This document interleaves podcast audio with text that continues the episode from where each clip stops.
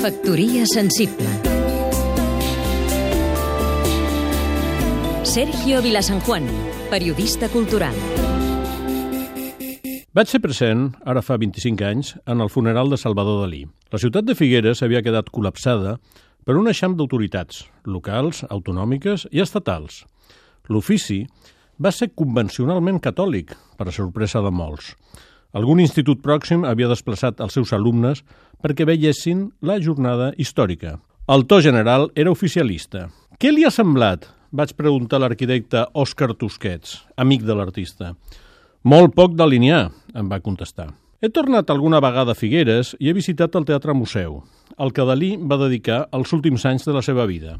El sofà Mae West, el cotxe amb sortidors o el retrat simultani de Lincoln i Gala són clàssics que no deixen de sorprendre, però els responsables de la Fundació s'han arreglat perquè en cada visita, espaiada pels anys, les sorpreses s'hagin ampliat, sigui amb un conjunt de joies bategants o amb els dibuixos animats que Dalí va realitzar conjuntament amb Walt Disney.